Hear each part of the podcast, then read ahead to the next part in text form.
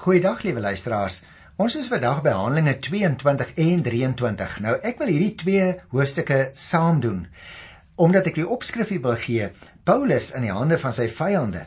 Want as jy na die opskrifte sou kyk in jou eie Bybel, as jy een voor jou oop het, dan sê jy sien Paulus gaan eers van sy bekering vertel vir die Jode en dan uh sien u sy gesprek met uh, die Romeinse soldaat En dan in die 23ste hoofstuk word hy dan voor die Joodse raad gebring waar hy nou vertel van sy ondervindinge, maar dan gaan jy ook lees van 'n komplot teen Paulus want hierdie mense stel alles in die werk om vir Paulus doodgemaak te kry en hoe hy dan uiteindelik na Felix toe gestuur word. So 22 en 23 vorm dus in 'n sekere sin 'n eenheid en daarom gaan ek relatief vinnig daardeur sodat ons die verband van die verhaal uh duidelik kan raak sien en nie in detail hoef te verval nie. Uh Paulus verdedig homself nou hier in hoofstuk 22 voor die menigte wat hom eintlik wil doodmaak deur te vertel van sy Joodse opvoeding, vir hulle te sê ook van sy bekering en hoe Christus hom uit Jerusalem weggestuur het na die heidene toe. Nou die bedoeling is natuurlik, liewe luisteraar, uh dat hy nie 'n vreemdeling is onder hulle nie, dat hy nie 'n vreemde element is as Jood nie, maar dat hy trou wandel op die weg juis van die Joodse geskrifte. En dit wil natuurlik nie graag hoor nie. Luister hoe begin hy. Hoofstuk 22: Broers en vaders, luister na wat ek nou tot my verdediging vir julle wil sê. Toe hulle hoor dat hy Hebreëus praat, het hulle nog stiller geword. Nou ek het in die vorige program vir jou gesê, dit was natuurlik ook in 'n sekere sin dink ek taktik dat uh, Paulus met die Jode Hebreëus gepraat het, want dan kon hulle agterkom hy weet baie van hulle kultuur en hy ken hulle taal. Dit is vandag maar nog so, né? As 'n mens iemand se taal praat, dan praat jy baie makliker tot die hart van daardie spesifieke persoon. En nou begin Paulus so. Hy sê in vers 3: Ek is 'n Jood wat in Tarsus in Cilicië gebore is, maar ek het hier in Jerusalem groot geword.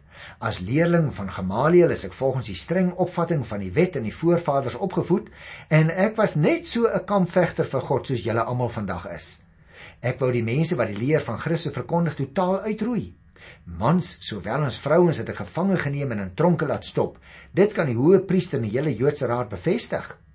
Van hulle het ek selfs bekendstellingsbriewe aan die Joodse broers in Damaskus gekry om ook daar hierdie mense in hegtenis te gaan neem en Jerusalem toe te bring om gestraf te word. Hy vertel met ander woorde vir hulle presies hoe sy pad geloop het, hoe dit gekom het dat hy eers 'n Jood was wat met groot ywer die Christus gelowiges vervolg het. En let op, hy vertel van hulle vir hulle van Gamaliel. Jy sal onthou, liewe luisteraar, ek het al iets van hom uh, vir jou vertel. Gamaliel was een van die mees gerespekteerde rabbies van daardie eerste eeu na Christus. En hy het uh, bekend gestaan as 'n baie gematigde uh, maar ook 'n baie goeie kenner van die godsdienstige wette. Ons het daaroor gesels by Hosea 5 vers 34. Nou Paulus wou nou hierdie Joodse luisteraars vir hom laat verstaan dat hy 'n opgevoede man is. Hy is sommer net 'n pleb wat daar iewers uit die bosse uitkom nie. Hy's 'n opgevoede ou. En dat hierdie gerespekteerde Joodse rabbi sy leermeester was. En daarom as hy nou sê ek was net so 'n kampvegter vir God soos julle almal vandag is, dan wys Paulus natuurlik dat hy begrip het vir die feit dat hulle motiewe suiwer was toe hulle hom probeer doodmaak het net so klein rukkie van tevore. Paulus erken natuurlik ook nou daarmee dat hy enkele jare tevore dieselfde gedoen het. Dat hy die Christen leiers wou doodmaak. Paulus het altyd probeer om te begin by iets waarvoor hy geweet het sy gehoor simpatie kon hê. En daarom begin hy so. Ek wil tussen hakies net sê liewe luisteraar, as jy dalk 'n negatiewe getuie vir die Here Jesus is, dan is dit nuttig as jy vir aanknopingspunte altyd probeer agterkom wat kan jy gebruik wat jou hoorder die persoon teenoor wie jy getuig wat is vir hom bekend en dan sluit jy daarbey aan.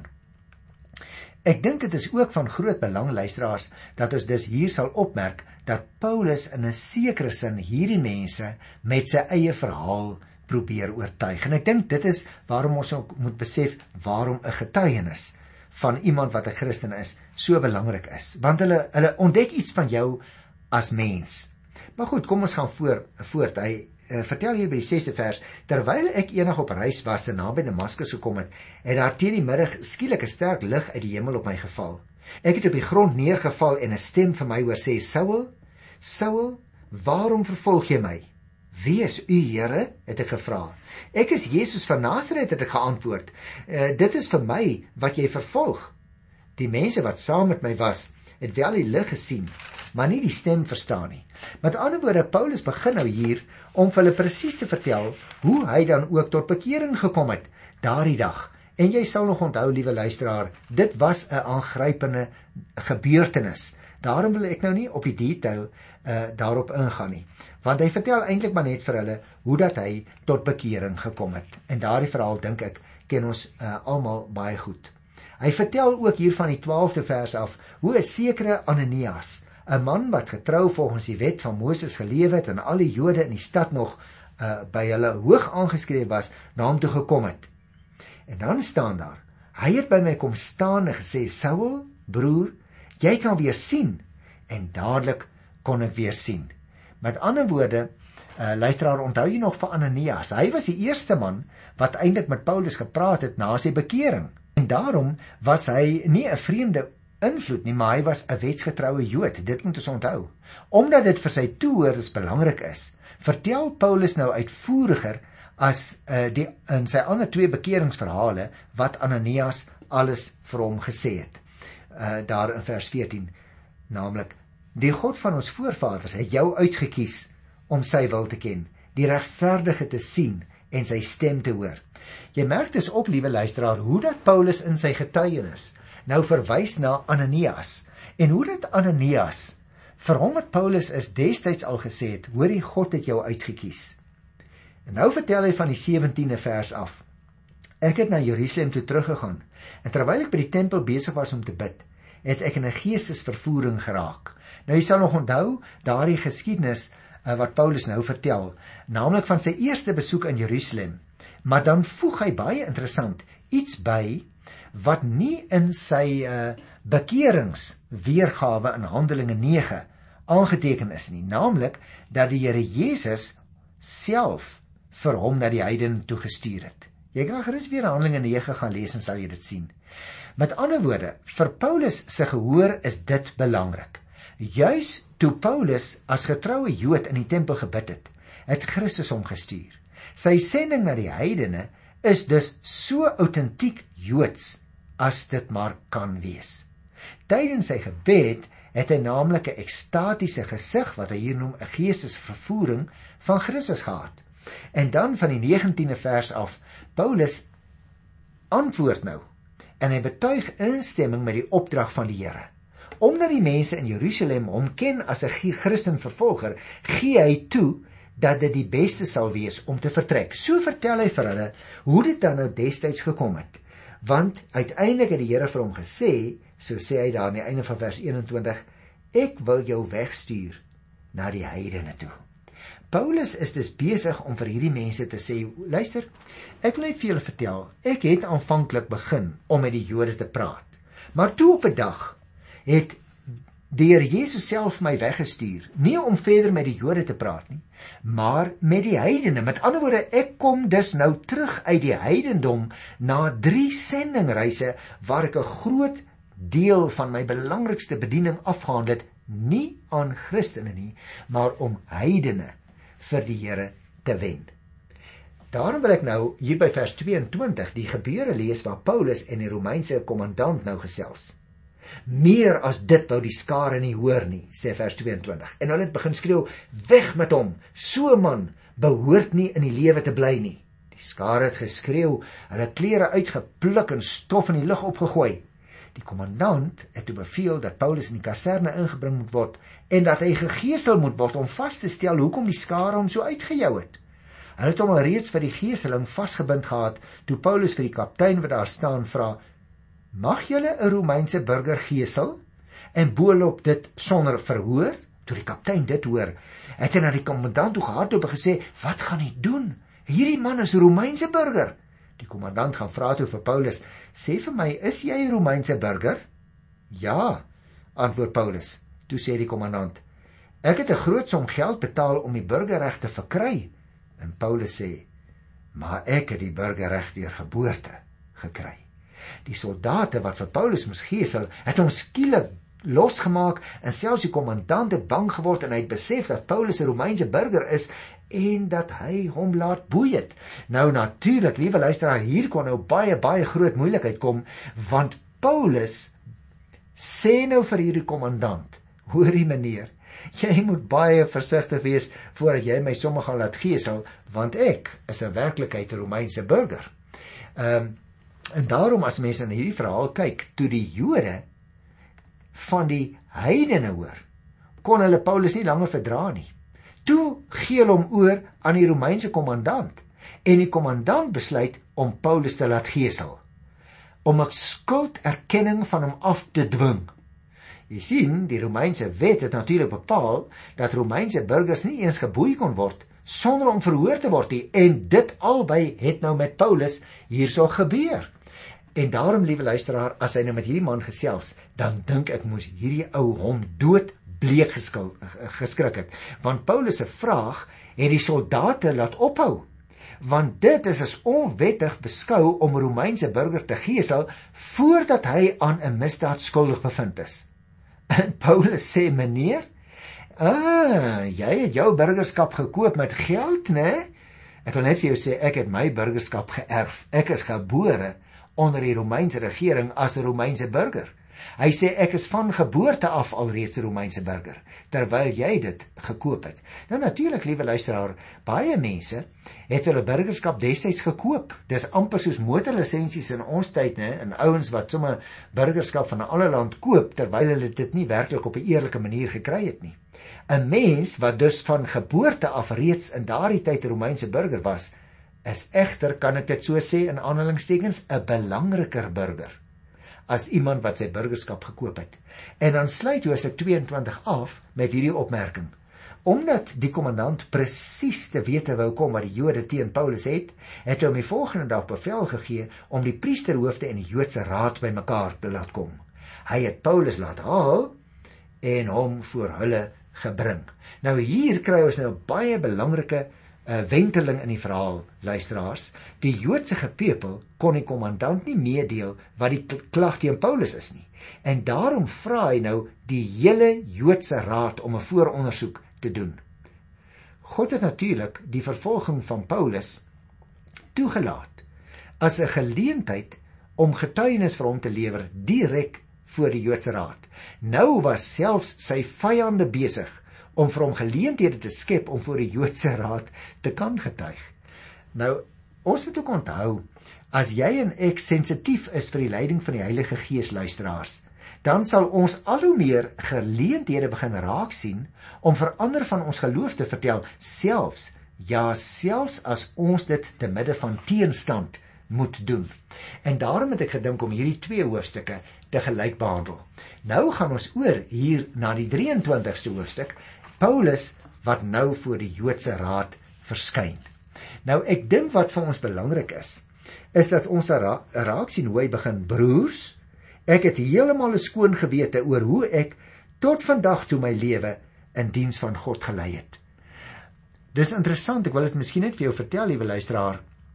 Josefus, jy sal al weet hy is 'n Joodse geskiedskrywer en hy was ook 'n baie gerespekteerde geskiedskrywer uit die 1ste eeu. Het Ananias as 'n oneerbiedige, geldgierige en humeurige man beskrywe.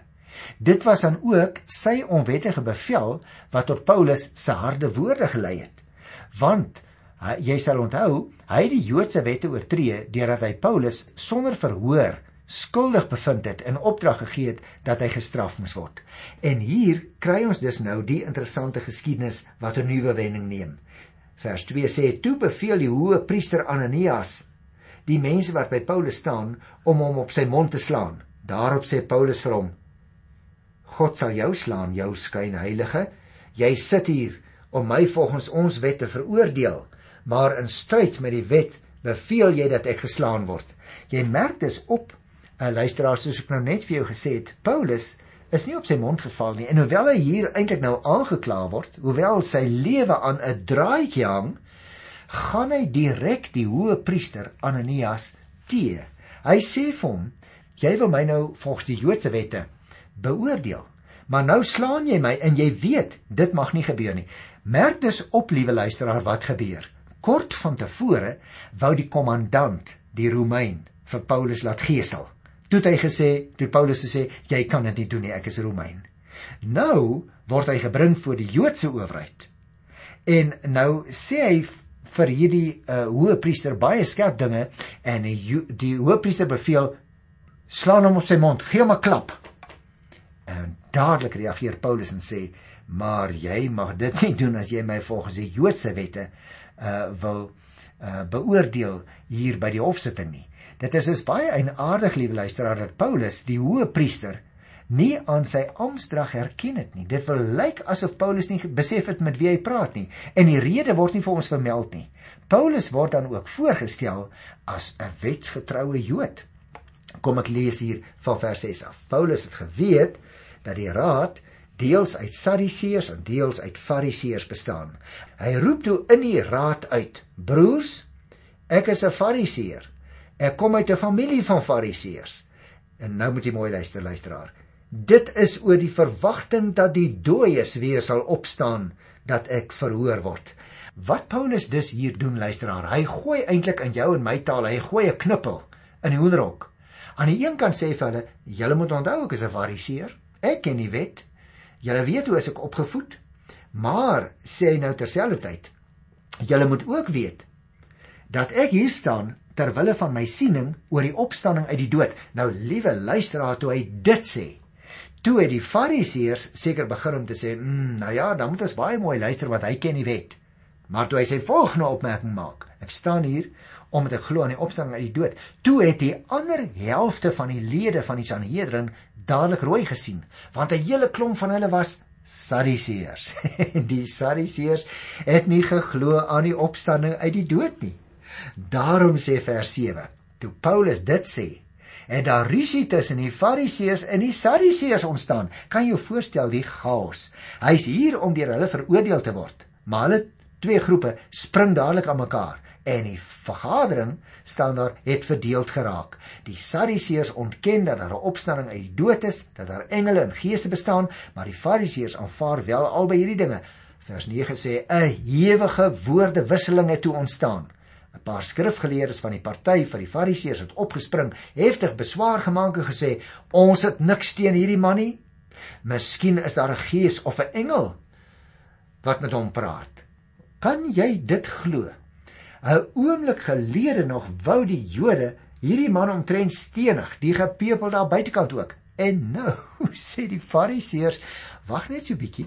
Dalk moet ons na hierdie ou luister, vers 10. Die risie het so ewig geword dat die kommandant bang was dat hulle Paulus uitmekaar wou skeur. Daarom het die kommandant sy soldate beveel om hom tussen hulle te gaan uithaal en terug te bring na die kaserne toe. Kan jy dit nou glo? Hier word hy nou deur 'n Romein gered uit die hand van die Jode, nogal uit die hand van die Joodse hoogste vergadering die Sanhedrin en vir die derde keer moet die kommandant Paulus nou wegneem van die geweld van die oproerige Jode. Hy gaan so ver om sy soldate in die vergadering van die Joodse raad in te stuur om Paulus te gaan uithaal staan daar. En dan sê die 11de vers daardie nag het die Here by Paulus gestaan en vir hom gesê: "Hou moed. Hier in Jerusalem het jy vir my getuig. So moet jy dit ook in Rome nog gaan doen." Nou liewe luisteraar, hier is 'n geweldige wentelpunt in hierdie man Paulus se lewe. Hier kry hy nou direk vir die eerste keer van die Here Jesus self opdrag dat hy nou moet gaan na Rome. Hy moet net moed hou. En dan kry ons as dit ware 'n onderbreking in die verhaal. Die komplot teen Paulus. Wat vir ons vertel die volgende dag het die Jode komplot teen Paulus gesmee. Nou, ek dink vir agtergrond is dit miskien net nodig dat ons sal sê 'n groep fanatieke Jode gebruik nou verskillende metodes wat erger is as terrorisme, wil ek amper vir jou sê luisteraar. Hulle sweer voor God dat hulle vervloek sal wees indien hulle ooit weer eet voor hulle Paulus dood het. Dit wys vir ons hoe gevaarlik en hoe dwaas 'n fanatieke liefde vir 'n saak kan wees. Omdat dit gewoonlik sonder die ware leiding van God se Gees geskied. God was egter soos altyd in beheer, soos uit die res van hierdie verhaal gaan blyk. Want nou gaan jy sien hoe dat hierdie groep fanatieke Jode metodes gebruik wat eintlik ongeoorloof was. En ons ons lees dan wat hulle gaan doen daarvan uh die 14de vers af Hoe dit vir ons vertel word, hulle het na die priesterhoofde en die familiehoofde toe gegaan en ge gesê ons het 'n duur eed afgelê dat ons niks oor ons lippe sal neem voordat ons Paulus doodgemaak het nie. En dan lees ons van die 16de vers af. Maar die seun van Paulus se suster het gehoor van die plan om hom voor te lê en kaserne toe gekom en dit vir Paulus gaan vertel.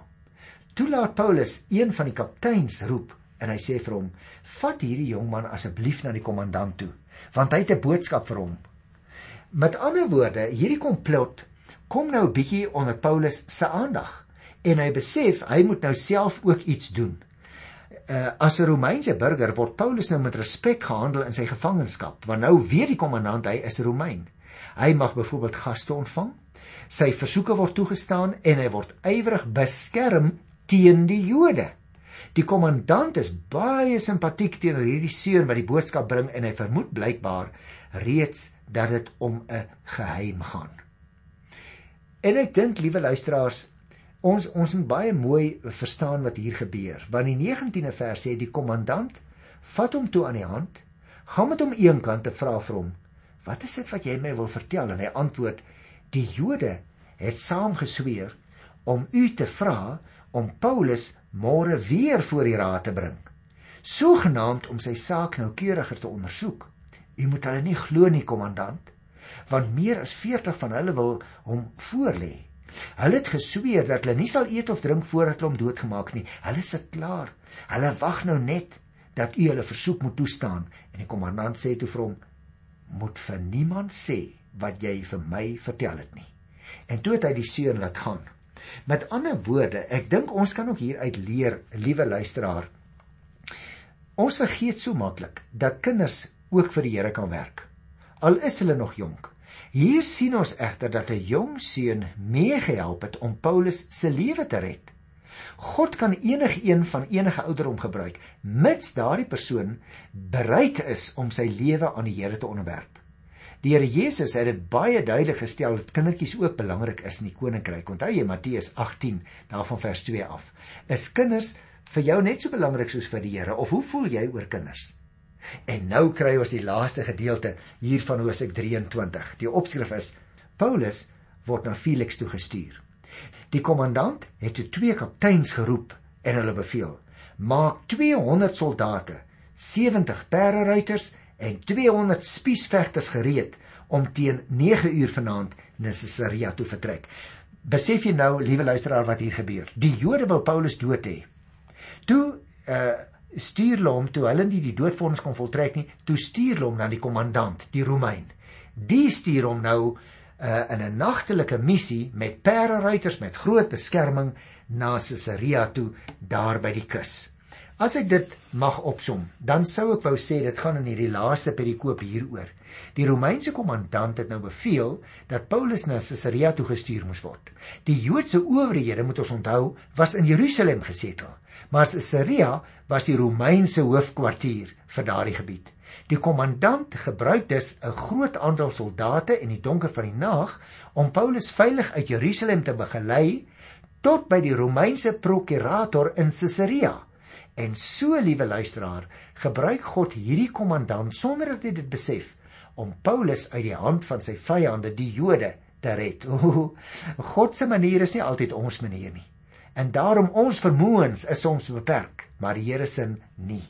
Enige iets kan gebeur as die Here ingryp, liewe luisteraar, en daarom is dit baie baie meer effektief as wat jy en ek ooit kan verwag. En so kom dit dan dat Paulus uiteindelik na Felix toe gestuur word daar in die pragtige hawe stad van Caesarea. So die Here wil gaan ons dan volgende keer met uh, mekaar so 'n bietjie daaroor gesels in die 24ste hoofstuk waar die saak teen Paulus voor Felix dien. Met an, ander woorde die landsowerheid en nie die godsdienstige owerheid in Jerusalem nie. Tot volgende keer groet ek jou dan in die wonderlike naam van ons Here. Tot dan. Totsiens.